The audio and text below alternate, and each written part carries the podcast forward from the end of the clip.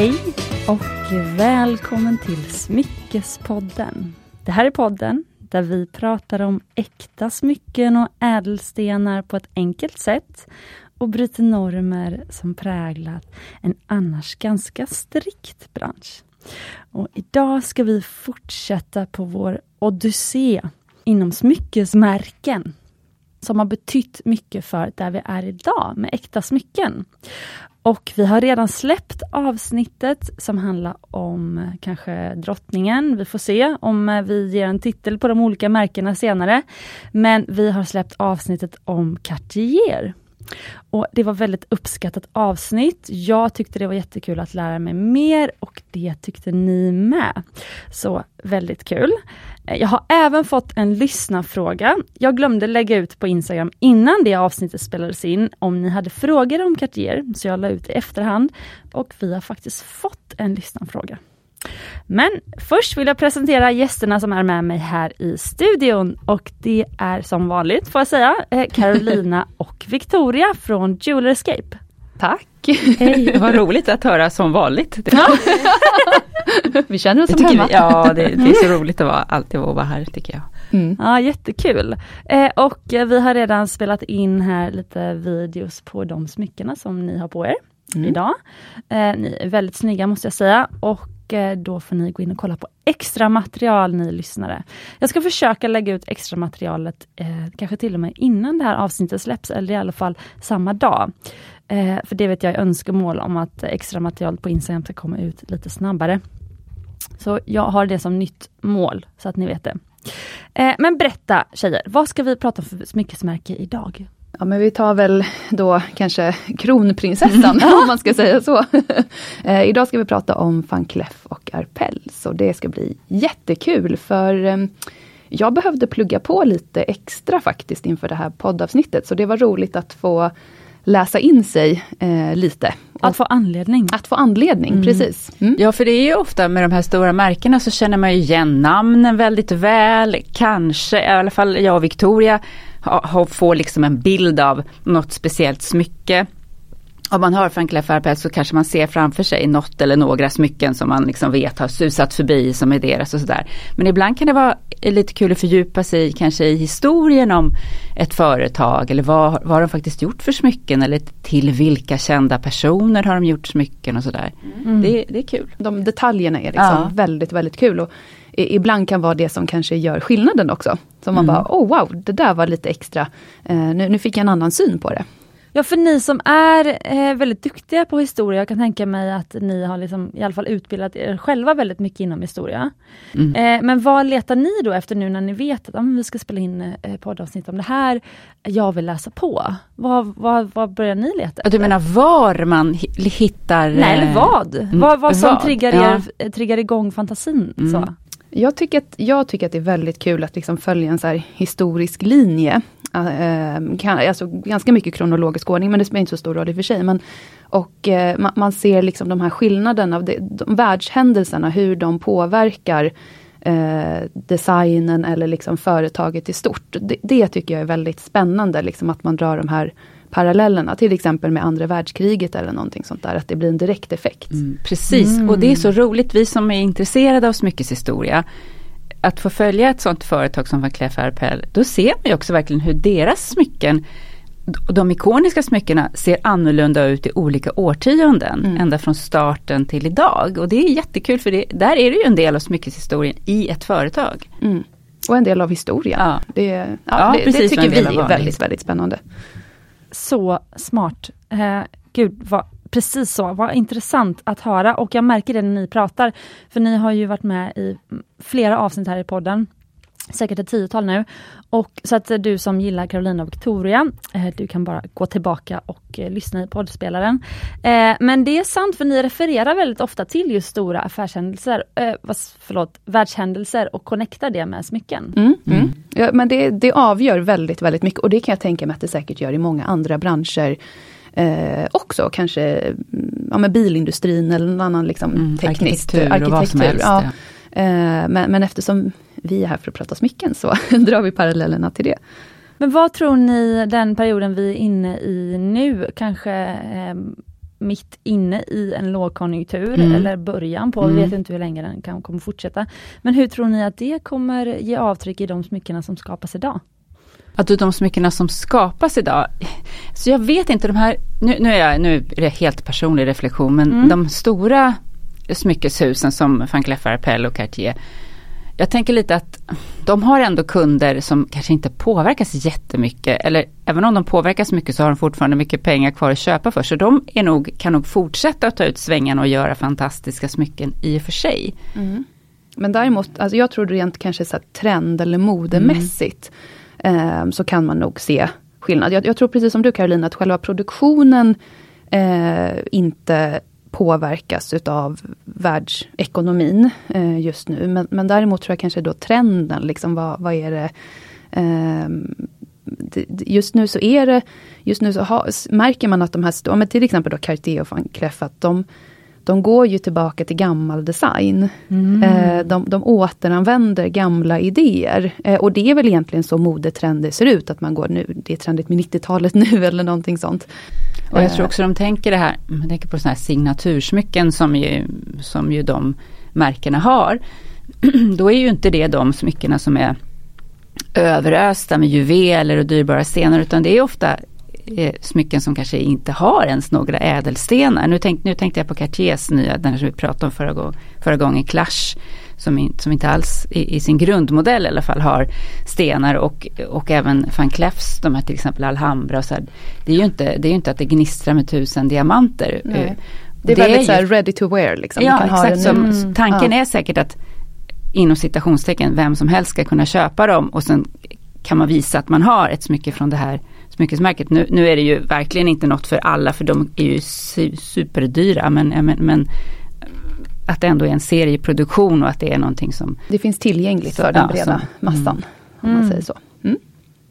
Intressant. Kommer ni dela personliga reflektioner om van Cleef i det här avsnittet? Ja men kanske Ja, men lite, det ja, blir väl alltid så. alltid. Det blir väl alltid och det är väl det som är också kanske när man sitter här och poddar att obs, det här är ju våra personliga åsikter och, och, Ja. och, och smak och, så vidare. Och, vi har ju plockat ut de delarna då i den här tidslinjen eller historien som vi också tycker är det intressanta. Och det Mm. reflekterar ju såklart väldigt mycket våra personliga åsikter, Mm. varför vi väljer just, ja, just vår de bitarna. sådär. Mm. Ja, Så det är, För- inte helt, det är inte heltäckande utan det nej. Det är vår synvinkel. Ja. Ja, precis. Men apropå var ni hittar information så är ju det en reflektion från min sida att ni kommer ju ofta med böcker hit. Och Mm. nu ska jag medan jag pratar ta en bild här på den boken som ni har med er idag för att jag skulle vilja dela faktiskt lite mer av de här böckerna ehm, till er poddlyssnare. Eh, för att jag kan tänka mig då att det är där som ni hittar mycket eh, spännande information som kanske inte finns bara på första sidan på Google. Nej, och jag tror att det har alltid varit en ganska stark eh, källa till information och någonting som vi har delat från, liksom, från start är att vi har alltid varit väldigt nördiga, boknördiga. Eh, och vi uppskattar alla de här, det finns så otroligt mycket litteratur om eh, smycken, smyckeshistoria och just de här samlarna eller de stora juvelerarhusen. Och Men- vi har ju ett, ett helt okej bibliotek och vi, det är ofta vi går tillbaka och bläddrar och tittar och du, kommer du ihåg den där? Ja just det, det är den där boken. Och, ja. Sen är det inte jättelätt att få tag på de här böckerna, det ska Mm. sägas. Vi har, en del finns ju att köpa nya. Men vi har ju köpt på auktioner, vi har köpt av kollegor, vi tittar i antikvariat, man tittar på, på nätet på sådana sidor som säljer eh, alltså, begagnade böcker och så här. Så, så att det är lite, ja, det, men så är det ju om man har ett intresse. Det är ju en del av, av grejen att det ibland kan vara svårt att hitta. Men vissa Mm. böcker har vi väntat på flera år innan vi har Ja. hittat som vi liksom har letat efter. Så, Ja. så det är likadant som med smyckena. Ibland Ja. tar det tid. Men, men det, är, det är alltså en källa som är helt fantastisk. Och det, vi blev ju liksom lite skolade så också, för vår förra arbetsplats där vi arbetade, där vi hade eh, Jan Ribhagen som vår chef. Eh, han hade ett fantastiskt bibliotek både om silver och om smycken. Och eh, han uppmuntrade oss alltid att låna en bok, läsa, bläddra. Fråga, hade vi jullov Mm. eller ledigt över påsk eller någonting sånt där, då sa han, "Ja, men då kunde man gå och fråga honom, du vilken bok tycker jag ska läsa? Ja men ta den här, sa han. Och så fick man alltid låna hem. Så det var alltid Eh, lov, lovläxa. Lovläxa, ja men med, med glädje läste man och bläddrade i den boken och sen, sen det där sätter sig. Eh, man kommer ihåg. Mm. Gud vilket bra ledarskapstips. Mm. Ja, fantastiskt. Det- Jag uppskattar det otroligt mycket och gör det fortfarande. Jag, det är en av de Ja, det är därför vi jag är håller på med de här över. böckerna och tittar och, och letar och läser och köper. Och, Mm. För för nya lyssnare som kanske är väldigt inne på, man kanske hittat det här avsnittet tack vare att man kanske sökt på van Cleef Mm. och Arpel. Eh, så kan jag säga att Carolina och Victoria är ju skolade jurister som sedan omskolade sig till gemologer. Japp. Eh, och ni träffades, ni jobbade på Kaplans ihop? inte Nej? ihop, men vi har jobbat på Kaplans båda två, Okej. men inte, inte samtidigt. Hur träffades ni? När vi träffades på, när vi jobbade på Ribbhagen. När Ja, jag, på började, Ribbhagen. ja, när jag Mm. började där så var Victoria redan, Ja. redan där. Och, och, Så vi har känt varandra i 20 år tror jag. mm, Mm, ja, det var där ni träffades mm, alltså. mm. Precis. Eh, men för Victoria, du berättade för mig eh, bakom, ehm, eller off mic, Mm. eh, att du hade en kompis utomlands som ofta köpte smyckesböcker till dig. Ja, jag har en fantastisk, fantastisk väninna som bor i Bryssel. Eh, och eh, hon är själv väldigt intresserad utav smycken och konst. Eh, hon är väldigt duktig konstnärinna själv, håller konstkurser och sådär. Eh, och eh, i Bryssel, Bryssel är en jättebra stad för arkitektur, för konst, för smycken, eh, för inspiration liksom. Och eh, hon känner till alla så här mysiga små antikvariat. Så ibland hittar hon lite böcker och då vet hon att jag kanske är, är, letar efter något speciellt eller så. Och då brukar hon köpa och ta med när hon kommer till Stockholm. Är en ynnest verkligen. Hon är, hon är en fantastisk vän men just det där ger henne lite extra. Mm, ja, det, det är toppen. Ja, och även jag får, får vara med på, eh, på en tör där och titta i böckerna. Ja, det är jättebra. Det är lyx, lyx, lyx. Men just den här boken som vi har med oss, det är ju egentligen ingen bok, utan det här är ju faktiskt egentligen en, en auktionskatalog. Jaha! Ja, det är det faktiskt. Eh, Men den har vi faktiskt, nu kom jag på, den köpte jag av eh, en kompis och kollega till oss som du också träffat som heter Lena Karlsson. Nej. Som, ja, precis. Hon, hon hade en massa gamla böcker och hon rensade ut från sin pappa och liksom så här. Så frågade hon, är det här något som du vill köpa? Ja, tack. Ah, Ja, tack. Kul! Mm. Det här är ju då alltså eh, Sotheby's, eh, det stora gamla anrika antikhuset, antik, eh, nej, auktionshuset vill jag säga. Eh, som 1987 sålde eh, hertiginnan av Windsor, alltså Wallis Simpson, hennes smycken efter hennes död. Är det auktions... Det, Det står här- där, The Jewels of Mm. the Duchess of Windsor. Mm. Ja, det här Wow. är auktionskatalogen och det här är en katalog som är en bok. Det är en riktig coffee table. Ja, Ja, det är det. Och Mm. hon är ju väldigt elegant. Det är så hon. kul för Mm. där ser man liksom hennes, vad hon hade för smyckesstil och smak. Vi har pratat om Mm. henne förut när vi pratade om smyckeshistoria. Och här, varför vi tog med den här boken är för att naturligtvis var hon storkund även hos van Cleef Arpels. Och ett av de smycken som är med här är ett av van Cleef Arpels allra mest ikoniska smycken som, man prat, som vi också har pratat om här i, i, Mm. i Smyckespodden och sådär. Och det är så kul att få, få se det. Det här är alltså, det är alltså en, ja det är verkligen en väldigt elegant bok som ligger framför Alltså oss vi, här. hur många gånger har vi inte bläddrat i den där? Den är som snart tummad för vi tittar så mycket i den. Och liksom Mm. det, ja, den är, Ja, den är men vi ska fantastisk. visa Det är en sån där som, eller hur? Det är en sån där som vi har letat länge efter Ja. och velat ha. Och sen kom den då plötsligt till oss genom en kompis som Mm. hade en massa böcker som hon Ja, ville bli av med. Det var meningen. Ja, det var meningen. Ja, okej, gud vad kul. Men jag måste bara beskriva för lyssnarna då, alltså det är en, en här inbunden bok som till och med har ett sån här tjusigt cover, liksom med så här eh, extra papper runt. Eh, och den, den ser verkligen ut att eh, kunna ligga, folk skulle kunna köpa den bara för att ha den liggande på vardagsrumsbordet. Mm. Så fin är den. Mm. Men sista frågan, gör Sotheby's de här eleganta auktionskatalogerna fortfarande? Eller auktionsböckerna? De ser inte Mm. riktigt ut så här. De, de, de trycker fortfarande kataloger, det gör de. Eh, men så här inbundna böcker vet jag inte om något auktionshus egentligen gör. Nej, det här nu. är nog mer eh, de, de som jag har sett som jag säger egentligen 80-talet. Men Ja. Och det är klart de inte gjorde så här på varje auktion men det här är ju en väldigt betydande auktion förstås. Mm.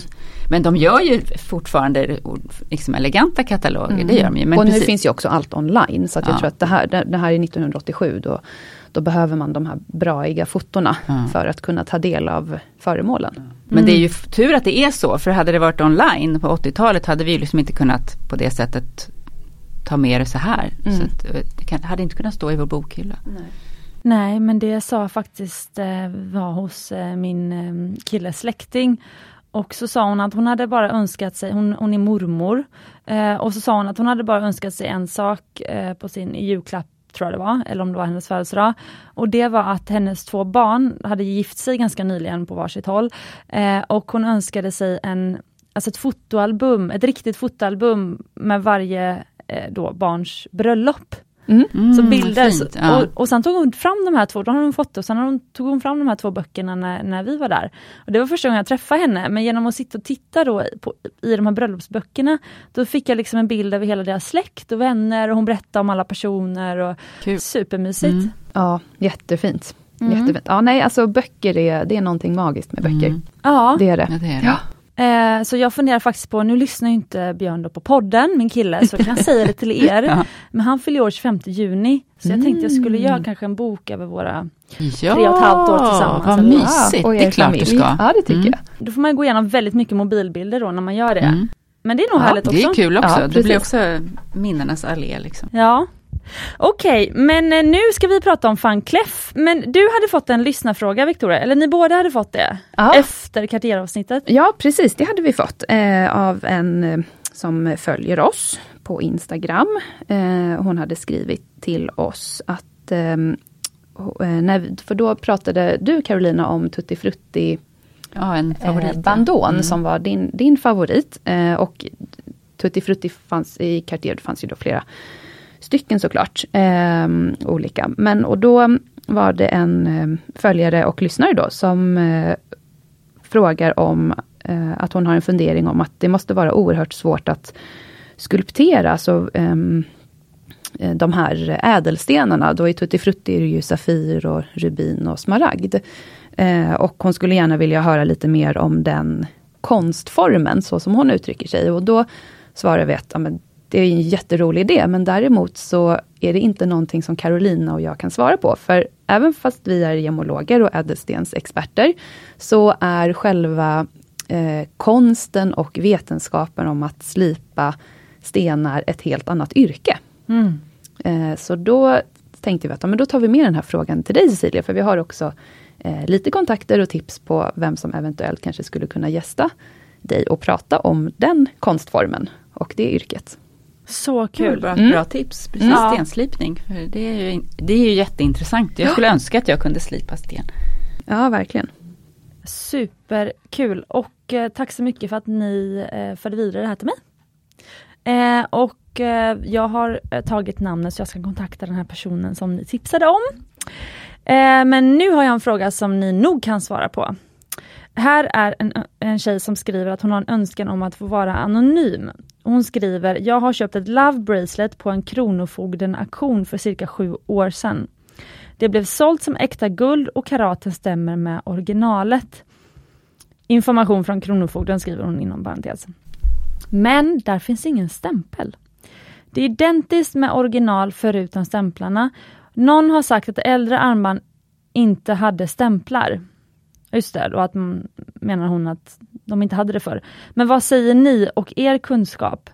Eh, och då ska jag säga att jag ställde en till fråga här. Eh, eller jag skrev att det låter som hon gjort ett väldigt bra, bra kap, men det var en väldigt bra fråga också. Eh, så jag ska ställa den till er, men sen så vill jag också bara fråga, vad kom den i för box och kom skruvmejseln med? Eh, som man i så fall får med ett Cartier-armband. Eh, om-. Om det kan hjälpa. Mm. Oj, ursäkta, nu hade jag ljud på mobilen. Hon skriver Kom tyvärr inte med något alls, en lite engångsemballage som skyddade det under transporten. Mm. Ehm, och då spontant så ska jag nog säga att är det inte stämplat ehm, så betvivlar jag att det är en Cartier. Mm. Eh, och det handlar om att ehm, de här smyckena, bara för att det är ett, eh, ett eh, juvelerarhus som har designat det, så har inte de, de har ju ensamrätt och designrätt till, till sina egna kreationer, men det finns väldigt många som härmar, såklart, för att de här smyckena inbringar oftast ekonomiskt mycket mer pengar, eh, för att de har då till, eh, är gjorda utav de här juvelerarhusen. Eh, men de här juvelerarhusen har eh, nästan alltid, åtminstone så att säga i modern historia, alltid, alltid stämplat sina smycken. Och speciellt Love Bracelet som designades 1969 tror jag. Det är ändå så pass modernt. Eh, pratar man Cartier van Cleef från liksom tidigt, tidigt 1900-tal, då kanske det inte alltid är stämplat. Eh, men då pratar vi liksom år 1900 och tio år framåt kanske. Eh, men, men så att ja, lite tråkigt svar kanske, men jag Spontant så skulle jag kanske säga att nej, det kanske inte är en Cartier. Inte en riktig Cartier, men det kanske är en bra kopia. Den kan fortfarande vara tillverkad i 18 karats guld, eh, precis som hon säger. Eh, det kan fortfarande vara någon som har kanske handgjort den här, vissa delar utav den och det är fortfarande ett armband som jag hoppas att hon använder. Men någon äkta Cartier vågar jag nästan säga att jag inte tror att det är. Mm. Ja, det jag tänker också det skulle vara konstigt om Cartier då, särskilt när det är väldigt många som kopierar, att de skulle göra ett armband och inte stämpla. Mm. Mm. Så att, mm. Och sen finns det ju de som kopierar till exempel då Love Bracelet och stämplar, men man kan se på stämplarna att det inte är en Cartier. Mm, det står ändå. Cartier så att säga, mm. men det är inte deras originalstämpel utan det är ja. Mm. Precis. Så att, om, vi, om vi skulle värdera så, så skulle vi inte värdera någonting, ett, en Love Bracelet som eh, Cartier om det inte fanns korrekta stämplar. Mm. Precis. Precis. Ja. Ja, kul. Bra fråga. Mycket, ja, bra, mycket fråga. bra fråga. Ja. Eh, bra svar. Och kanske ska hon gå in till en Cartier-butik? Ja, det kan väl vara bra att fråga där. Det tycker mm. jag är en mycket bra idé. Mm. Eh, och nu ska vi gå in på van Cleef och jag gjorde ju en liten Instagram story-serie igår där jag visade smycken som van Cleef har gjort, den här klassiska blomman. Jag tror vi ska komma att prata om det ganska mycket i det här avsnittet. Och sen så fick ni gissa vilket smyckesmärke det var. Och väldigt många gissade helt rätt. Så helt klart har ju van Cleef gjort eh, någonting som gjort dem eh, så att man kan identifiera dem lätt.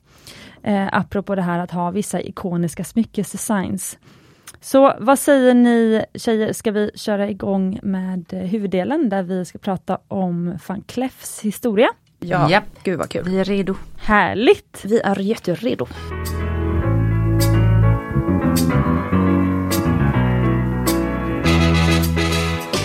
Okej tjejer, vart vill ni börja? Ja men vi börjar väl med att säga att eh, Alfred van Cleef och Estelle Arpel, de gifte sig 1895. 95. Och eh, det är alltså en kärlekshistoria. Det tycker Så jag är kul. underbart! eh, och eh, sen råkar det vara så att de kommer då från varsin familj som är i branschen. Alfreds eh, pappa är diamantslipare, holländare. Och Estelles far är eh, stenhandlare. Så en perfekt båda, match. Ja, båda kommer med bakgrunden och förståelsen för eh, vackra ädelstenar. Och kärleken också för vackra ädelstenar. Jag tror att det kanske kombinerar dem, eh, i, i, även i deras äktenskap. Um, och det känns så. otroligt modernt när man tänker att det här ja. var då 1895 och alltså så bestämmer de sig för, för att starta ett, en juvelerarfirma ihop. Ja.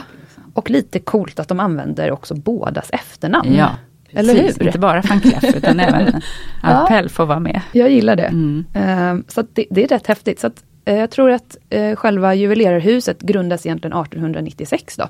Eh, så att året efter de har gift sig. Så att så, så börjar det, med kärlek i luften. Med kärlek, det är jätte, jättecoolt faktiskt. Ja. Och jag tror även deras dotter arbetar i företaget. Ja. Um, så småningom sen. Precis. Och eh, jag vet att 1906, bara, rätt, bara tio år efter att de har startat, så öppnar de faktiskt sin butik på Place Vendôme, som ligger mitt i centrala Paris. 1906 och de ligger kvar där än idag. På Place Vendôme, där ligger ju Cartier, där ligger Hotell Ritz. Det är liksom the place to be om man ska eh, vara ett juvelerarhus i Paris. Och det är som, jag tycker att det är riktigt häftigt att de fortfarande ligger kvar på samma adress. Det är deras huvudkvarter, eller huvudbyggnad. Men det får mig att återigen påminna mig om hur viktig faktiskt grundarna är ofta för Mm. ett företag. Alltså att de förstår någonting som även hundra år senare är relevant. Mm. Ja. Och, och snacka om storytelling, när vi pratar om det, att det är så viktigt med historien. Det här är ju verkligen det här är ju verkligen en historia som, som berör på det Ja. sättet att det är kärlek, att det är Och ett familj. äkta par, att det är familj och att de Ja. har de här bakgrunderna. Och, Ja. mm, Match made in heaven. eh, verkligen. Men vilken samhällsklass kom de från? Var de så att säga välbeställda redan då? Jag tänker att få den lokalen redan år två. Ja, men det kan man väl tänka sig med tanke på att de kom från de familjerna, stenslipare och stenhandlare. Mm. Precis. Ja, det var, det var inte, inte vem som helst. Det var de definitivt inte. Så det, det fanns säkert eh, fördelar som de var smarta nog att eh, nyttja helt Mm. enkelt. För det är ju det också, man, man, man kanske får lite gratis ibland men man måste också kunna förvalta sina möjligheter och chanser.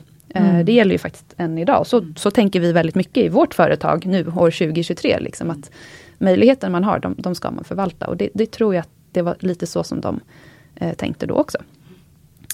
Ehm, och Place Vendôme är ju jättevackert för er som har varit i Paris så är det ju så fantastiskt fint där. Och eh, de har, det, det är ett, ett hus, liksom ett nummer där är deras eh, huvudkontor. Eh, och där har de ju även den här Heritage-avdelningen eh, idag. Och Heritage-avdelningen är ju de här eh, föremålen som eh, är alltså second hand-föremål. Det som eh, van Cleef eh, då köper, nu, nu säger jag van Cleef bara för att jag kortar ner det lite, men VCA då. Eh, de eh, köper tillbaka, restaurerar och sen säljer vidare. Eh, så att det kanske inte bara är de här föremålen som de sparar liksom för museu, museikollektion, utan de, de köper faktiskt också sina egna eh, begagnade alster, fixar i ordning och säljer vidare. Det tycker jag är så coolt, det borde fler smyckenmärken göra. Ja, inte bara samla till museum liksom, utan det... Det, ja. det är också kul men, men även, jag menar, det finns ju många som tycker att de här äldre smyckena är nu höll jag på att säga the shit, men jag sa det. Alltså det är det som är grejen. ja, Och definitivt. att kunna få köpa dem då. Ja, Ja. Ja, jag hade nog först gått in till ja det hade jag alla gjort. Jag hade, jag Ja. hade bara gått in. Ja. Nej men det, det, det, är liksom, det är häftiga grejer där. Eh, verkligen. Jag ehm, lyckades googla mig fram lite och, och se några av de här eh, roliga. Och då är det ju, för van Cleef gör ju precis då som Cartier och många andra, att de eh, låter sina populära kollektioner återkomma. Eh, och, eh, men, men det roliga på den här Heritage-avdelningen är ju att då är det ju originalversionen Mm. av de här ikoniska men modellerna, Modellerna. Eh, som de har där. Väldigt Mm. roligt, väldigt, väldigt kul. Ehm, jag vet att de redan 1916 gjorde någonting eh, lite revolutionerande, eller vad man ska säga. Och det var att de till, gjorde en smyckeskollektion där de kombinerade ädelstenar, alltså safir, rubin, smaragd, diamanter, eh, med trä.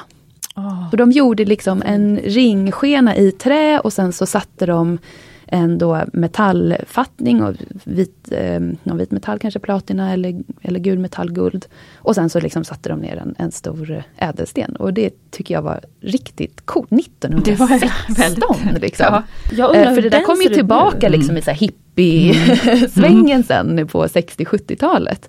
Eh, det, finns det går att faktiskt att googla fram och de, de är riktigt, riktigt coola. Mm. Eh, det var också lite så här, ja, men, ny, nytänkande. Eh, jag, jag gillar det faktiskt. Innovativt. Ehm, Men vilka skulle ni säga, för om man tänker de här em, ikoniska smyckena som finns idag, Mm. om vi ska ge en bild till poddlyssnarna om vad van Cleef, för att man ska liksom kunna måla upp någonting i sitt hur huvud. det ser ut. Ja, Ja, men Hur ser de jag- ut och hur såg ja, de ut då? Ja, och det Alltså, är du olika, har ju en- ja, jag ska ta fram bilden en här. favorit, Ja, och det är ju- Jag tänker att jag hittar. det var har så- vi också sagt vid för sig många gånger. Ja. Men 1922 så hittar man ju Tutankhamons grav eh, i Egypten, i Konungarnas dal. Och det inspirerar ju till en Egyptenvåg eh, inom arkitektur och eh, speciellt inom smyckeskonsten. Och Carolina, du har ju ett favorit. Ja, och det är så roligt för att Victoria och jag var, 2018 så var vi i Genève för att titta på den stora visningen inför när Marie Antoinettes eh, personliga smycken skulle auktioneras ut på Sotheby's i Genève. Och då passade vi på att titta på även på Christie's som hade visning då eh, inför sin stora auktion. Och då hittade jag en collier, en sotoar kanske man ska kalla det för egentligen, en lång collier från 1920-talet. Som jag bara liksom blev helt förtrollad av. Mm. Och det var liksom min, det, var, det bara fanns i mitt huvud hela tiden. Och den är gjord, den är en sån här Egyptian revival då som man gjorde på den tiden efter man hade hittat Tutankhamons grav så blev det ju Egyptenfeber och de stora juvelerarhusen gjorde då smycken i egyptisk stil. Och det där är ett sånt.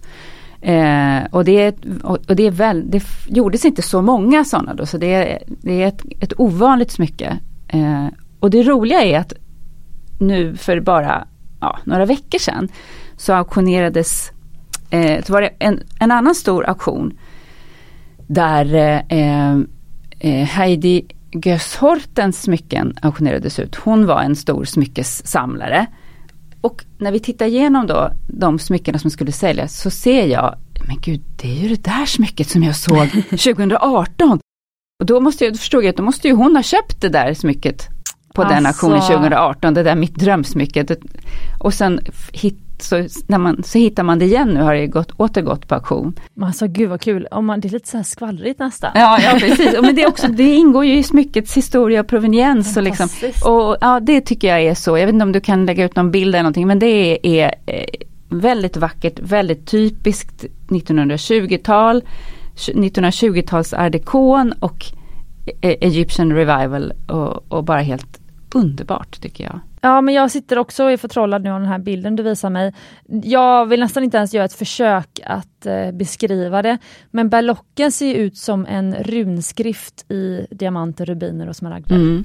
Och det Eller ska då liksom vara liksom hieroglyfer. Ja, det, det ska då vara en, jag ska se här bara auktionstexten, det ska då vara en skarabé eh, och eh, under det ska det vara en gudinnan Mat som ska representera sanning och harmoni. Mm. Så det är ju då lite eh... Men jag blir lite nyfiken, vad hittade man i Tutankhamons grav? Det var ju den... Wonderful things. Ja precis, det var ju den här eh, en orörd eh, grav, en gravkammare. Eh, så från där en hittade, Från en farao, Tutankhamon. Eh, han, han dog väl väldigt ung här för mig, mm. han var väl väldigt inavlad stackarn. Eh, men när han begravdes så, eh, som med alla andra faraoner så eh, gav de ju honom alla möjligheter, allt han skulle ha med liksom till efterlivet, livet efter. Och eh, det som var så fantastiskt var ju att den här graven då hade, hade stått orörd i tusentals år. Vilket många av de andra eh, gravarna i Konungarnas dal inte hade klarat tyvärr. Det hade varit gravplundrare. Så där var det liksom helt intakt med eh, målningar på väggarna som inte mött eh, dagsljus eller liksom luft från tusentals år. Eh, och eh, alla, alla små miniatyrer, ja, skatter och sarkofagen med honom i eh, och eh, alla andra djur och sådär som också var mumifierade. Och det var nog väldigt, väldigt stor medial uppmärksamhet på den tiden när man, mm. när man öppnade graven och, och Ja, så att det blev ju, det var ju verkligen Det influerade ju otroligt mycket ja. eh, i mode, arkitektur, smyckeskonsten.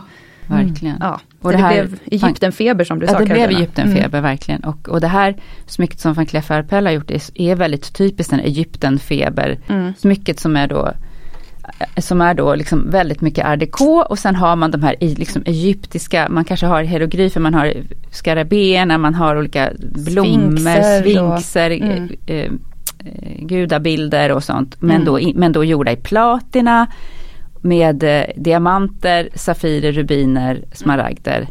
Det är alltid de här tre färgerna liksom. Mm. Vitt, eller fyra färgerna, vitt, mm. blått, rött och grönt. Mm. Och kontrasten liksom emellan dem, så ja. att man får fram de här ja. eh, liksom lite eh, stela mm. figurerna. Mm. Eh, men det, ja, jag är så jäkla de är snygga. underbara. Mm. Och så trendiga. Mm. Oh, wow, och nu hittar jag, nu är jag inne på eh, deras hemsida här. De har ju en historia, det var du som visade mig det nu ja. Victoria. Um, och om man går in på år 1925, det är några år efter det här, mm. då kan man också se en skiss av ett smycke ja, som man gjorde ja. och sen hur det såg ut när man sen gjorde det. Och det som är så häftigt med det armbandet som du eh, tittar på nu, där Cecilia, det är ju att eh, det där vann de faktiskt Le Grand Prix för 1925 på världsutställningen. Och den världsutställningen har också satt sin prägel i historien. För det är ju då som man säger att art décon föds. Mm. Det ser inte alls ut som art.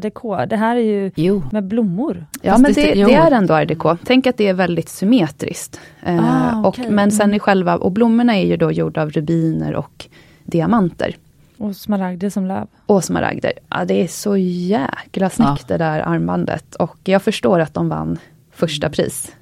Men det här, den här typen av smycke, det är alltså, man ser nästan inte guldet eh, i något av de här, eller platina, i något av de här smyckena. Nej. Inte heller Tutankhamon-smyckena. Nej. Och det är det som var meningen, att det skulle vara som att det bara var stenarna. Liksom. Ja, det är liksom bara Mm. lapptäcken. Det är Mm. som att man byggt eh, Och det är också magin med, med metallen platina. Mm. I och med Mm. att den har en väldigt hög smältpunkt på över 72 grader. Eh, så är den också ganska seg och hård. Och magin med platinan på början av 1900-talet här, när man började, kunde börja bearbeta den, guldsmeden alltså, det var ju att man kunde använda ganska lite material för att sätta, alltså eh, fatta in stenarna. Så då blev det ju väldigt mycket fokus på eh, stenarna i sig. Och det är ju det som gör designen här. Liksom. Eh, det är som att platinan är bara ett skelett. Eh, egentligen. Och stenarna är det som liksom formar och ger liv åt smycket. Precis. Mm. Och, och nu ska jag säga att eh, de här smyckena som vi tittar på nu, de här Egyptian Revival-smyckena och 20-talssmyckena, det är ju inte egentligen typiskt för van Cleef Arpels. För att Cartier gör ju också sådana smycken och de, alla de stora juvelerarhusen, det var ju mer då att modet var så för de fina juvelerna eh, under 1920-talet. Men även van Cleef Arpels design såg ut så på 1920-talet. Mm. Och de har gjort kanske några av dem. Ja, Trevligaste. Mm. Som, så som det här, den här sotoaren, eh, halsbandet som jag var så förtjust i. Eller det här armbandet som Victoria visade. Mm. Som vann eh, Grand Prix på världsutställningen. Mm. För när började man göra de här mer ikoniska och kanske mer, vad ska jag säga, enklare smyckena? Som vi känner, som, som, Mm. som är så signifikanta Mm. för deras smycken, Jag tror smycken idag. Att det kanske egentligen är redan året efter, 1926, när deras dotter tar över som designer. Mhm. Det är också lite coolt, 1926, en kvinna, hon hette René, jag tror att hon egentligen, eh, när hon föddes, att de döpte henne till Rakel, men hon bytte till René, lite mer fransk klingande. Eh, hon slog ihop sig med en man som också heter René, eh, och de blev en fantastisk eh, designduo hos van Cleef. De designade då under 20 och nästan hela 30-talet tror jag. Eh, och det är då som jag tror liksom att de här ikoniska eh, designen, liksom, det, det, de sätter sitt namn verkligen på världskartan. Det här är också parallellt när de öppnar butik såklart på Fifth Avenue på Manhattan i New York. Ehm, och de finns ju även såklart i andra stora städer och de är faktiskt även det första västerländska eh, juvelerarhuset som även öppnar i Japan, Kina och Indien. Mm. Det är också lite coolt. Vilket år då? Ah, det var en bra fråga, det får vi googla. Men det var runt där innan, innan ja, andra världskriget. 1900-talets, Ja. ja. ja precis. Några av de första decennierna där. Och, och det är också under déco då, eller rättare sagt 1936 tror jag det är, som de gör den här Ja. fantastiska broschen som vi har pratat om tidigare Alltså, i, i de här förlåt. avsnitten. Van Cleef Arpels och 30-tal, det, det, är, det är van Cleef för mig. 30-talet, Ja. hela det årtiondet. Det är då det, är då det händer, om man ska säga så. Och vill ni beskriva det här smycket, eh, Carolina? Ja, det här är en brosch som består av två stycken lite spetsiga avlånga löv. Eh, det är gjort i platina. Det är en stor brosch. Här ser man en bild också hur, stort det är, hur stor den är i, i, när den sitter på klänningen här. Och, Mm. eh, så vad kan man säga att den är? Kanske en decimeter eller någonting sånt där. Ja. Eh, och då, det ena lövet är bestrött med diamanter. Eh, briljantslipade i själva, liksom, själva lövet och i skaftet Mm. av lövet är det eh, baguetteslipade eller smaragdslipade. Och sen det andra lövet är då med rubiner. Och det är det här som är så revolutionerande. För de här rubinerna, de är infattade i den här invisible setting eller mystic setting. Som är deras eh, ja, deras signum kan man säga. Där då rubinerna är infattades utan liksom fattningar och metall emellan utan det är liksom som ett gallernät under och sen är stenarna slipade så att de liksom klickar i varandra som vi har pratat om tidigare, typ som en sån här klickgolv eller någonting. Så att de, så att de blir liksom helt utan metall emellan. Eh, och det här är liksom deras Man ser inte fattningen setting. helt enkelt. Får jag fråga, eh, kanalfattning och invisible ja. set, mm. hur likt är det? Det? Kanalfattning är väl en, eh, det är att de sitter på på, på rad. Ja, liksom. med en sarg eh, ja. på sidorna. Men i vissa besättningar, du har ingen sarg alls. Nej, då, då sitter liksom all, allt underifrån. Mm. Det, det, är också kan man säga som ett skelett och så liksom fattar man stenarna mm. i och de sitter dikt an mot varandra. Här, här, det som är fattat, de baguetteslipade, där har du en kant liksom som håller. Men här har du liksom ingenting. Fast Mm, sitter på undersidan. Okay. Så skaftet på lövet mm. är, ser ut att vara kanalfattning. Mm. mm. Och eh, själva lövet sedan är som ett lapptäcke enbart av rubiner. Mm. Ja, man ser eh, ingenting nej, av fattningarna emellan stenarna. Mm. Mm, Helt intressant. Vet det, här, det här köps då av hertiginnan av Windsor, alltså Wallis Simpson. Eh, så att hon är ju en av de absolut första att bära ett smycke med van Cleefs Frank Arpels ikoniska Invisible Setting. Och jag tror att det var så att hon faktiskt fick det på sin 40-årsdag. Det kan det. Ja, så att eh, det blev, beställdes då utav eh, hennes man, före detta Edvard den åttonde. Och eh, han, han, beställde tre stycken då rubinsmycken till hennes 40-årsdag, varav då den här lövbroschen var ett utav dem. Och den här Mystery Setting. Som är, ja men det var lite revolutionerande. Och de andra stora juvelerarhusen gjorde också, men ingen gjorde så pass mycket, många smycken med den här slags fattningen eh, som van Cleef gjorde.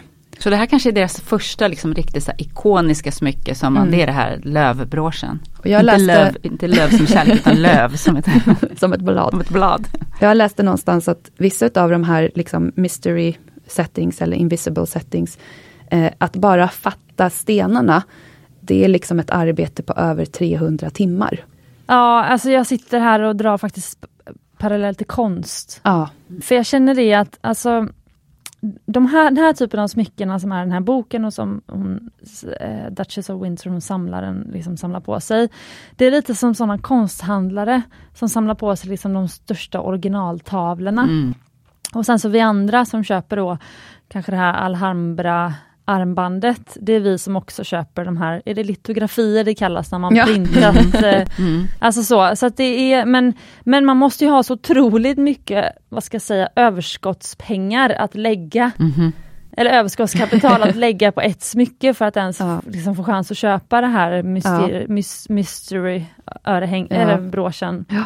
Så, um, ja men det, det, är, det är liksom lite tekniskt underverk faktiskt, att faktiskt. göra det här 1900 36. Eh, och jag menar den här, för det, är också, det ska man också komma ihåg, alltså det är en som har design, det är en beställare, det är en som har designat smycken, smycket. Eh, sen så är det ju en stenslipare och en stenfattare. Så det är väldigt många människor som är involverade i att det här faktiskt ska bli. Och stenfattaren och stensliparen, de måste jobba väldigt nära varandra.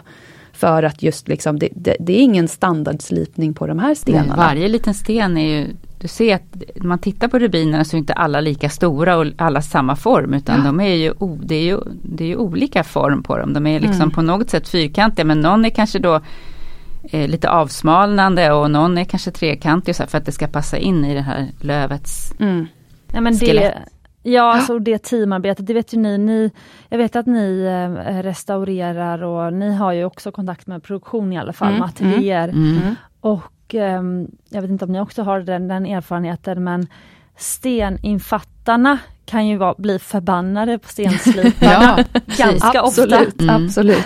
Så, och tvärtom. Eh, ja precis, och det är ju verkligen samarbete. Så. Ja, mm. ja men det, det, är en delikat process helt mm. enkelt. Och för, för oss i, i vårt vardagliga arbete så är det så jätteviktigt att vi jobbar med de som eh, faktiskt eh, kan det här. Eh, de, de, som kan, ja, men för vår del då gamla smycken och för de som kan slipa på det sättet som vi behöver, om det är något som behöver ersättas till exempel.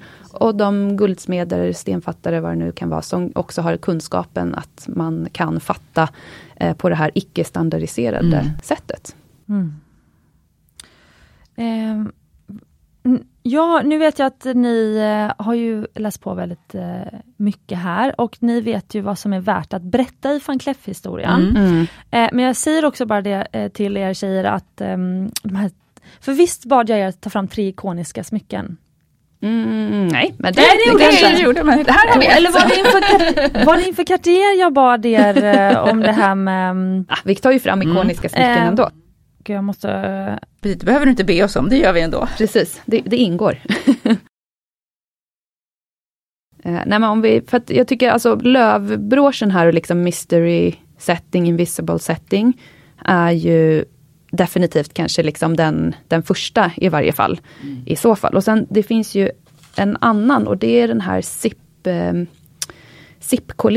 alltså en dragkedja. Den är också väldigt mm. ikonisk. Och ja, och nu, revolutionerande. Nu och revolutionerande. Och det är ju faktiskt också då Wallis Simpson, alltså hertiginnan av Windsor, som gör den här beställningen. Det gör hon på sent 30-tal. Men vi vet ju att det kommer ett litet krig här emellan. Och nu ska vi tänka så här, 1938 tror jag det är hon gör den här beställningen. Då ville hon alltså ha, då, då modet så som det såg ut, um, det var ju att alla klädesplagg hade knappar. Mm. Så dragkedja, det var någonting väldigt ovanligt. Så tänk då att hon ser de här dragkedjorna då som är ganska nya i modesvängen. Och hon tänker att ett sånt där skulle jag vilja ha fast som en juvel. Och hon vänder sig då till van Cleef för att de har ju redan då visat prov på sin innovation genom den här broschen.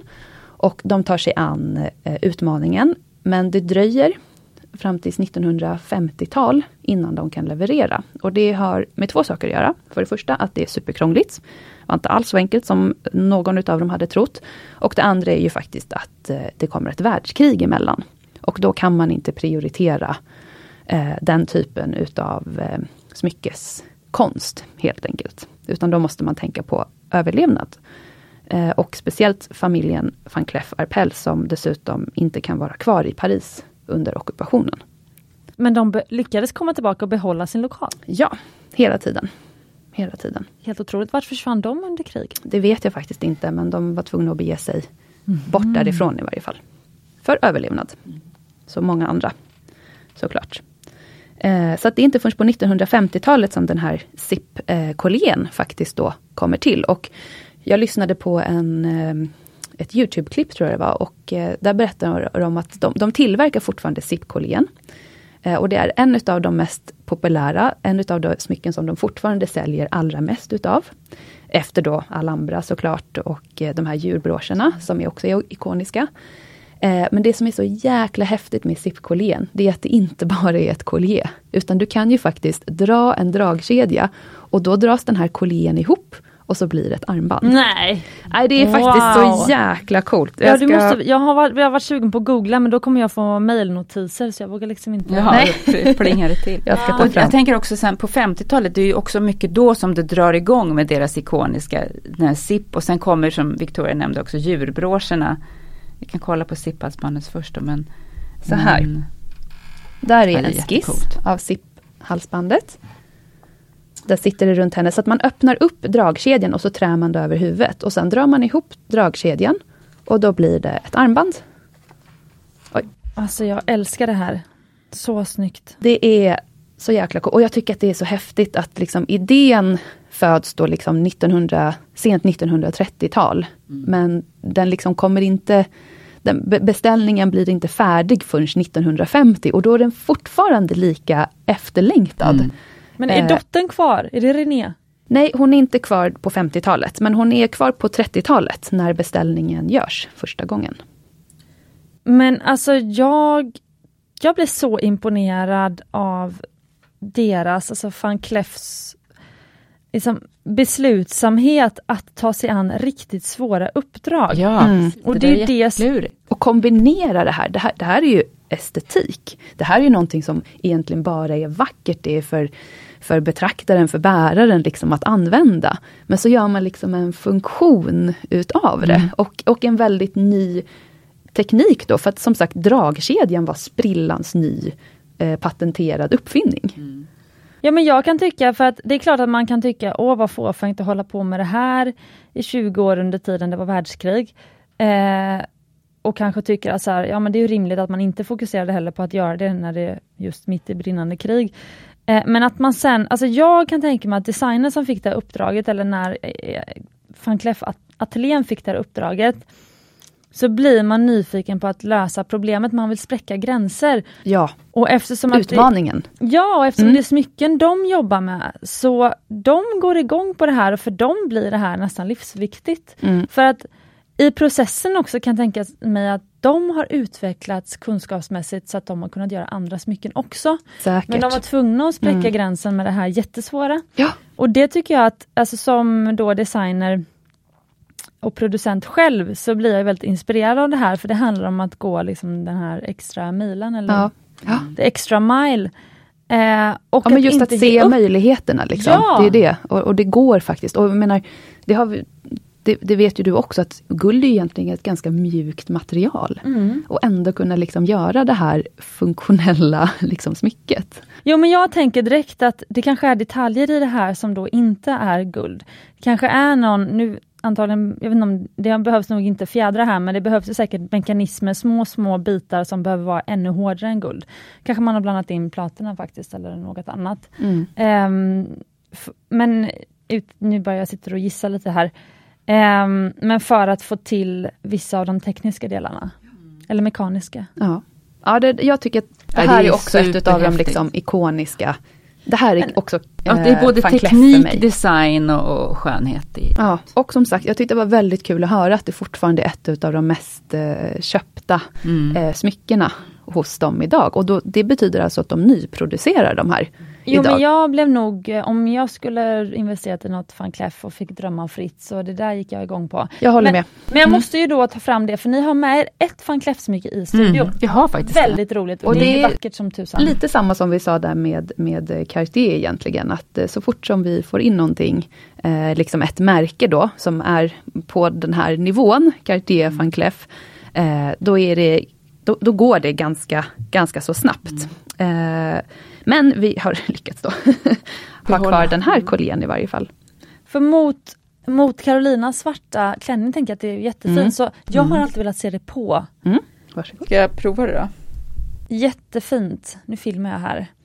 Eh, men det här ser ju nästan ut som dragkedje Ja, det påminner ju, det här är ju inte dragkedja men det påminner ju om det i själva eh, ja, designen. Och det är, det är ju snyggt. designat ungefär samtidigt. Eh, Det är ett 1950-tal. Och det som är kul med 1950-talet, det är ju att det gula guldet har kommit tillbaka. Det har vi också sagt förut tidigare här i podd och det kan man lära sig om man går på smyckeskola hos oss. Eh, Det är ju också på grund utav händelsen världskriget.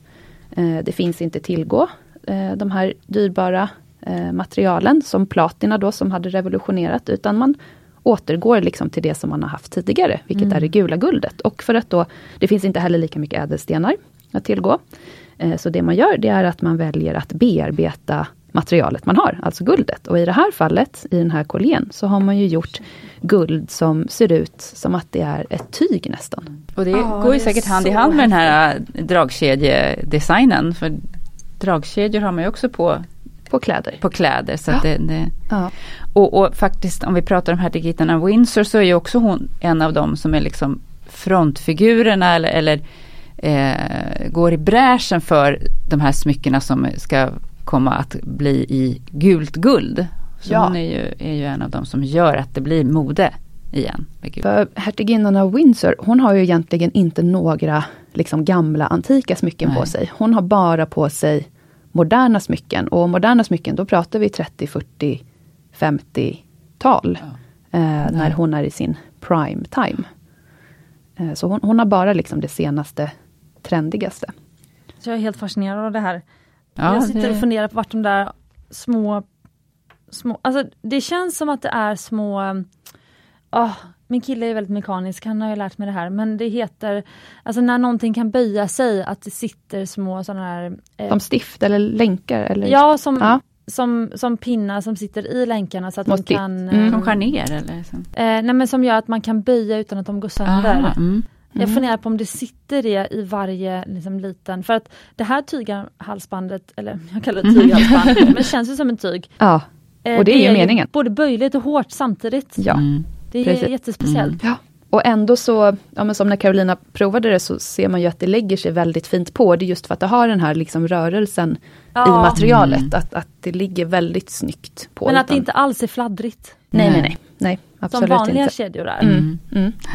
Ja. Nej, det är... är det riktigt kul. Och det, om du tittar på baksidan på låset, Cecilia, så mm. kommer du se att det står på den mm. delen. Så ser du att det står VCA mm. och så står det ett serienummer. Ja. Och eh, om man har möjlighet och tur att besöka då till exempel den här Heritage-avdelningen på van Cleef, då kan de med hjälp av det där serienumret ta fram precis när det här smycket är tillverkat. För de har kvar hela sitt arkiv och de har även kvar då eh, vilka som har eh, varit beställare till dem, eller köpare. Det, allt är ju inte beställt så, utan mycket är ju också deras ja, Man följer inte GDPR då? Eh, nej, jag tror att det är preskriberat i så fall. Det hör eh, till smyckets historia. Precis. Det, och det så. är också egentligen helt fantastiskt att man kan göra det, att, att de har arkiv, ja. man kan se när det är gjort och de har fortfarande ja. kvar info om det här. Mm. Det är jättehäftigt. Som har dykt upp här i Sverige. Ja, ja det är riktigt coolt. Okej, men vi ska gå vidare. Vi måste ju prata om Alhambra.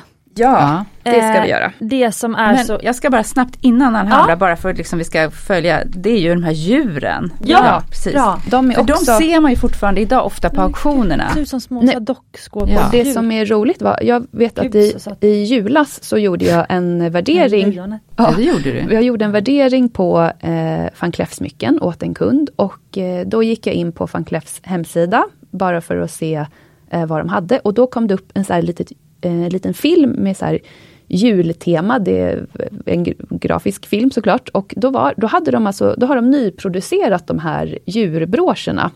Eh, så att de säljer dem nu också. Den som du tittar på nu Cecilia, är ju då från eh, 1900-talets mitt, från typ 50-60-talet. Och det sägs att det ska varit en liten inspiration av Walt Disney och liksom alla de här snälla djuren. Ja, för de är så gulliga alla djuren. Ja, Kaxiga liksom. Det är ju inget elakt lejon nej. liksom. Nej men det är en katt, det är en liten enhörn, nej det är ett rådjur. Det är någon papegoja, det är en liten urgullig så, hund som ser ut som en sån här, den här minsta lilla hunden, vad kallas Ja, Yorkshire terrier. Ja, exakt! Hållet, ja. och så har den ett halsband med rubiner, ja. är inte det lite coolt? Han ser ja, helt och, och pälsen åker ner över ögonen liksom. Ja. Är så mm. sött, herregud.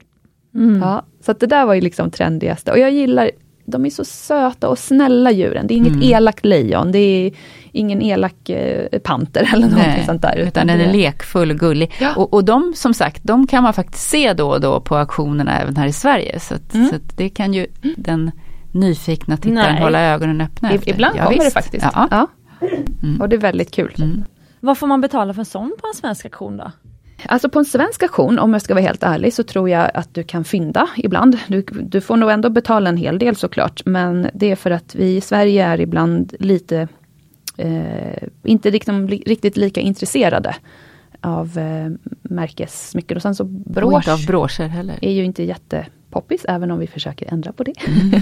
och även om ni sagt så många gånger att man på väldigt enkla sätt kan göra om en brosch till ett, en halsbandsberlock. Ja, det kan man ju också, mm. absolut. Um, men, men alltså de här broscherna är ju så fruktansvärt söta. Liksom. Det, det är ju bara att... Det, den där liksom tokiga, rufsiga hunden, det är bara att sätta honom på axeln. Liksom, eller någonting sånt där. Det behöver inte sitta mitt fram liksom, på en tröja. Så att, uh, ja, brosch, vi tycker att brosch är typ det bästa smycket som finns. För ja. det är så användbart och så lätt att, att använda. Lätt att um, anpassa liksom, till det du bär. Precis. Eh, men i tid då så kan jag säga till er mm. lyssnare att vi är på mitten av 1950-talet med de här broscherna. Precis, precis. Här bara, nu bara snabbt gick jag in och kollade en sån här lejonbrosch. Har till exempel klubbats för 34 000 här för, ja, inte allt för länge sedan. Bara ah, så man Gulligt lejon. Åh! Oh. Oh, på en auktion i Stockholm. Vad de var söta, alltså. mm. Oj, oj, oj, oj, oj. Och de är i bra skick. De, de, de är ofta, det är ju 4,8 centimeter. Alltså. Ja, alltså han är, det är helt okej mm. storlek mm. för ett lejon. För ett lejon. Lagom. Och den här gröna, gröna smaragdögon. Ja. Och en liten onyx som nos tror jag. Ja. Och så gult guld. Och det, det, de väger oftast lite. Det är liksom ganska mycket material mm. i dem. Och du får liksom van Cleef Arpels ikoniska design. Ja. Mm. Men och, som du sa då Cecilia, en annan ikonisk design är ju Alhambra. Eh, Alhambra-kollektionen. ja, berätta eh, om den, för det är ju den som många satte på Smyckespoddens mm. Instagram. Mm, ja, det förstår jag. och eh, den kommer väl ut i produktion 1968 eller något sånt där. Sent 60-tal, mitt i hippie-eran. Och, Jaha, eh, det är då Flower Power kom? Det är Flower Power, men det är ju faktiskt också ett eh, fyrklöver. Om man tittar på det. Så det är ju en, eh, ett fyrklöver då som, eh, som ska inspirera och som ska ge tur. Och det var ju lite av grundarnas liksom, idé, deras den här kärlekshistorien och det här eh, deras liksom mantra var att, att, eh, att det skulle liksom vara kul och fint och trevligt och och liksom inbringa tur. Eh, så där har man ju gått tillbaka. Och jag satt, igår när jag satt och tittade lite på, då tittade jag såklart på Grace Kelly, vilket är en, en annan stor modeikon, speciellt inom smycken som vi tittar mycket på. Och när hon gifter sig med uh, First Rainer av uh, Monaco, så köper han ett uh, pärlgarnityr till henne. En collier, armband, örhängen och en ring. 1956 eller något sånt där. Och i hennes pärlarmband som är flerradiga pärlor, då är faktiskt mellandelarna också fyrklöver.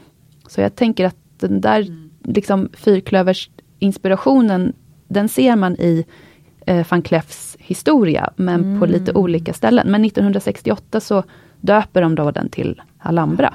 Bara ett, ett litet mellanstick här så blir, så Grace Kelly är ju också väldigt betydande för van Cleef Arpels historia ja. för att hon är också en av deras storkunder och ja. de utnämns också till hovjuvelerare Just. i Monaco. Mm. Så att, uh, mm. Ja hon är väldigt hon, hon viktig är, för ja. van Cleef, mm. definitivt. För, får jag säga det Victoria, vad du sa, nej inte Victoria, Carolina, vad du sa när vi pratade om Alhambra? Annars får klippa då? bort ja. det. Sa jag något dumt?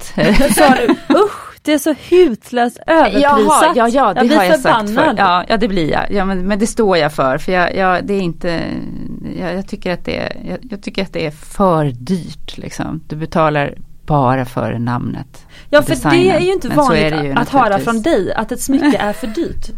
nej, nej. Men, men det, har, det här återigen, det här med min, med min personliga smak. Jag, jag, jag, eh, det, är inte, det är inte min eh, smak och jag tycker att det är inte så mycket eh, material eller ädelstenar i dem men du betalar så mycket pengar.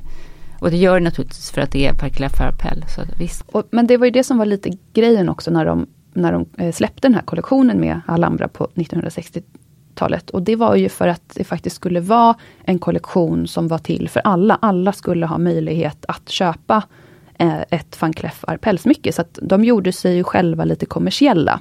Idag är ju Alhambra-kollektionen som sagt ganska över överprisad kanske för vad det egentligen är. Men du köper ju mycket mer namnet än vad mm. du köper materialet. Ja, för vad är det för material? Det är, det är ju guld. Guld såklart. Eh, och sen, men sen har de använt sig då utav ädelstenar men inte de allra eh, ekonomiskt dyrbaraste. Utan de använder sig av pärlemor och nyx. Eh, de använder sig av karneol lapis lazuli, malakit mm. eh, i de här då liksom fyrklöverna.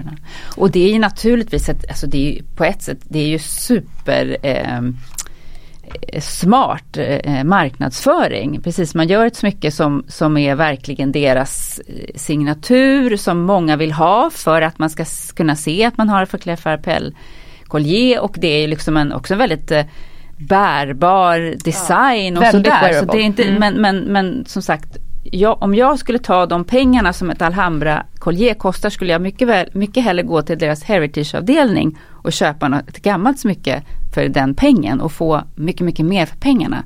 Det är så jag menar när jag blir förbannad. ja men för du har nämligen en lyssnare med sig, Ja. med sig på ett sätt. Ja.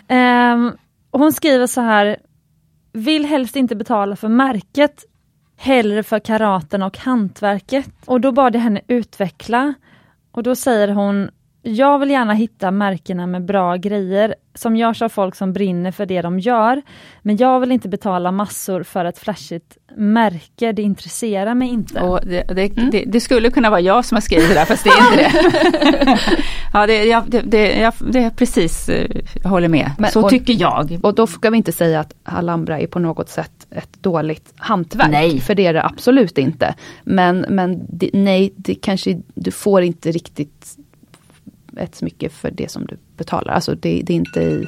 Oj, ja, nu I går vårt paritet. alarm här. Det här ehm, Men, men, men, ja, men sen är alla olika. En del tycker ju just att de vill lägga pengarna på ett märke för att då har de någonting som är eh, ikoniskt. ikoniskt och de Ja. vet att det här är liksom håller sitt värde på ett sätt och såna, alla sådana där saker. Så att jag ska inte klanka ner på dem men det är, jag, det är inte så jag gillar och jag jag- håller med om jag ska vara lyssnaren. lite generell och kanske lite dum här också. Så skulle jag våga påstå att den som har Alhambra, den har också Cartiers Love Bracelet. El, eh, fast på ett sätt så har de lite olika, för Alhambra är ju en, lite feminint och Cartier lite maskulint. Ja fast jag tror Eller ändå att det... Bracelet. Mm. Ja, Ja, du tänker att det är möjligen. samma. Ja. Ja, jag, jag tror att, eller om man säger så här, det är samma, Eller så är det syskonen. det är syskonen. Precis, Ja, men en du, utav du, varje. du kanske man, det är viktigt med märket och det är det som är Ja. man, vill, man vill ha man vill att folk ska se att man har en van Cleef Arpels, man gillar det. Om jag skulle välja ett van Cleef Arpels-smycke, Ja, ja, det var min nästa fråga. men kolla, vad bra. I can read your mind. Då skulle jag välja en brosch från 1940-talet. Mm. Då skulle jag välja en brosch som ser ut som en blomsterkvist. Eh, Den är i guld och den har två stycken eller flera blommor. Och det är gjort i ljus, ljusblå safirer och ljusgula eh, gula safirer. Åh, vad fint. Och de är jättecoola, de är oftast ganska stora. Eh, inspirationen var igen då eh, hertiginnan av Windsor. Eh, men de tog upp den här designen och gjorde den ganska ofta. Och jag, det jag tycker är kul, det var att under 40-talet då, som sagt, det var krigstid och det fanns, eh, alltså själva modet var att eh, oftast så hade kvinnorna eh, kanske samma klänning, samma klädesplagg på sig flera gånger. Och då valde man att ha ett klädesplagg som var lite ljusare i färgen för att det inte skulle sticka ut så att folk skulle komma ihåg det. Alltså man tog ett liksom lite blekare tyg och då kunde man ha en lite blekare eh, smycke med lite blekare eh, färgade stenar, alltså färgsädelstenar. Och jag tycker det är skitcoolt för att de här broscherna är oftast ganska stora så att de tar plats men i och med att det är de här eh, lite, inte pastelliga men nästan pastelliga färgerna av liksom ljusblå safir, kanske lite violett ibland i dem och de gula safirerna. Eh, gör att det blir ändå ett, eh, inte diskret smycke ska jag säga, men det blir ett väldigt elegant smycke fast de är liksom enorma. De kan vara liksom 12-15 centimeter. Wow. Eh, Så det är det eh, van Cleef-smycket jag skulle välja om jag fick välja. Jättekul. Mm. Och din favorit? Ja men det, har jag, det är ju den här halsbandet som, som så nu såldes på auktion, det här uh, Det- Egyptian Revival. Alltså det hade ju passat till Cartiers Tutti Frutti. Ja exakt. Nu har jag börjat det är förstå så- din stil. Ja, det är precis. Hon det har är- avslöjat sig. Ja. Mm, mm. D- väldigt spännande och det hade ju samma färgskala. Det var också det här smaragdgrön, röd rubin. Ja. Det var, var det blå safirer? Ja, det var det. Ja det var det. Mm. Och så lite svart och nyx också. Mm. Och diamanter. Och Och det är den tiden som jag tycker är häftig. Jag märker vilka smycken jag tycker om så skulle jag vilja ha, jag gillar de här från 1920-talet. Det är bra om man ska köpa present till Carolina. Ja, precis. Jag tar gärna något från 1920-talet. Jättebra tips. Eh, och si, så skulle Och du vilja skulle att ta ett sån här zipkolje va Cecilia? Ja, vad kul. Eh, ja, precis. Nu pekar du också på tyghalsbandet. Men exakt, om jag fick välja fritt, det måste ju bli zipkolja. Ja. Jag blev helt fascinerad. Ja. Väldigt kul att se. Mm. Så ja, vä- ja, det har fallit så ögonöppnare när ni är i studion. Kul. Ja, jättekul. Ehm, och till lyssnarna då, om ni ska ge tips till dem. Om de ska hålla utkik nu efter smycken på auktion eller på deras eh, Funklets Mm. Heritage-avdelning. Vad är bra köp? Så brosch är alltid bra köp tycker jag. Ja. Och det är för att som sagt det är inte så himla populärt. Ehm, så att du, du kan få en brosch för eh, ett bättre pris än Mm. kanske ett par örhängen eller armband som många fler vill ha. Mm. Så brosch, brosch, brosch, brosch, brosch. Och, och sen är det ju, alltså, menar, köper man, det får man inte sticka under stol med, köper man från de här riktigt stora juvelerarhusen som van Cleef Arpels så får du ju liksom på något sätt vis värde för pengarna. Trots min, det här Alhambra, att jag tyckte Alhambra inte var, men, men alltså köper du någonting äldre som de har gjort så, så får du liksom någonting riktigt för pengarna så att säga. Ja, kvalitet. Ja, du än köper Mm. så får du ju kvalitet. Absolut. Jättebra. Eh, och jag vill faktiskt avsluta med eh, en liten kort reflektion och sedan ett tips till eh, andras fellow smyckesdesigners där ute. Men jag bara ville säga bara det här apropå att Alhambra nu har blivit så dyrt, för jag kollade lite grann priserna. Mm. Och det är jag inte håll- alls för alla som de, som, som de Nej, har tänkt från början. inte. Nej, Och, jag jag- skulle aldrig ha råd att köpa en Alhambra. Nej, och jag tror att de ångrade sig. Alltså de kanske tänkte, nu vet jag inte vilken, vid vilken årtionde som, som Alhambra kom ut. Jo, det var ju på 60-talet. Ja, Ja. 68 tror jag var. Mm. Just det.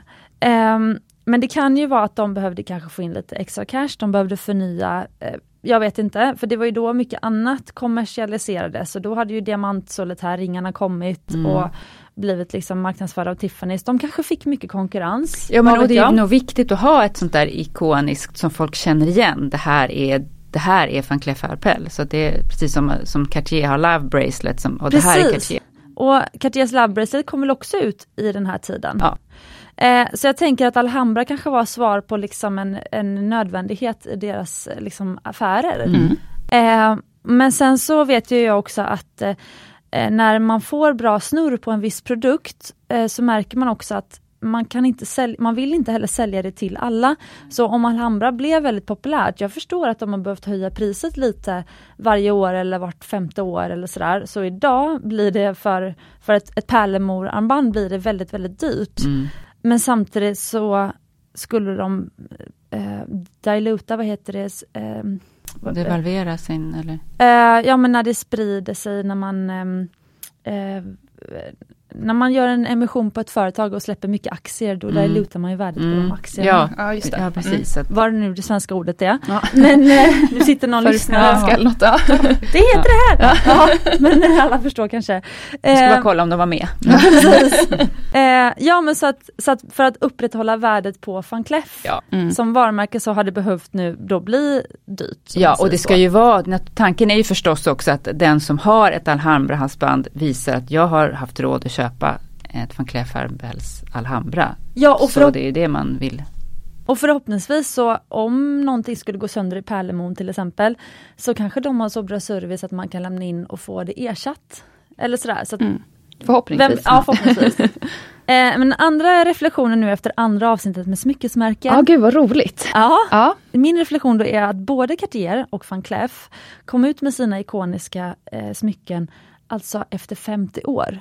Men de har jobbat så många år på att leverera hög kvalitet, utmana sig i hantverket, alltså de har gjort så mycket häftiga smycken. och de gör One-off det parallellt också Ja, i historien. precis. Parallellt i samma stad och samma tidsepoker. Precis, och sen så, får de, sen så blir de ikoniska många, många, många, många år senare och då känner jag så här, ni eh, smyckeshantverkare ute och designers och guldsmeder och sådär.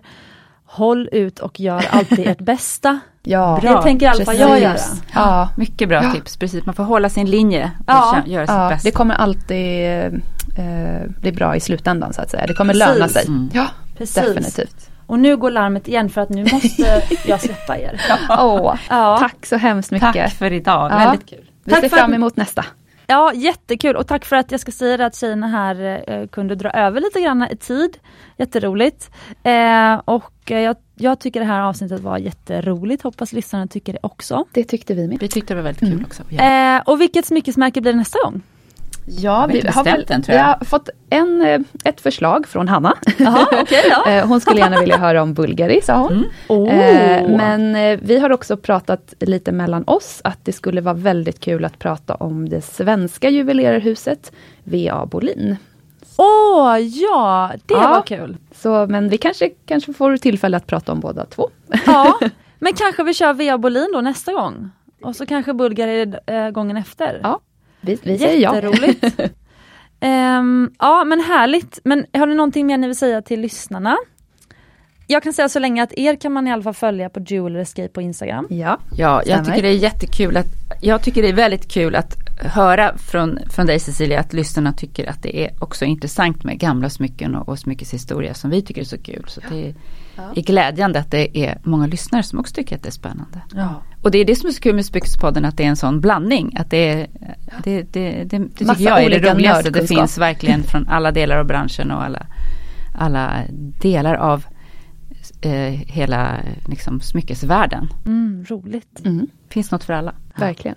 Ja, tusen tack och eh, vi till er lyssnare säger vi eh, ni är värda äkta smycken, gamla och nya och och ehm, ädla stenar.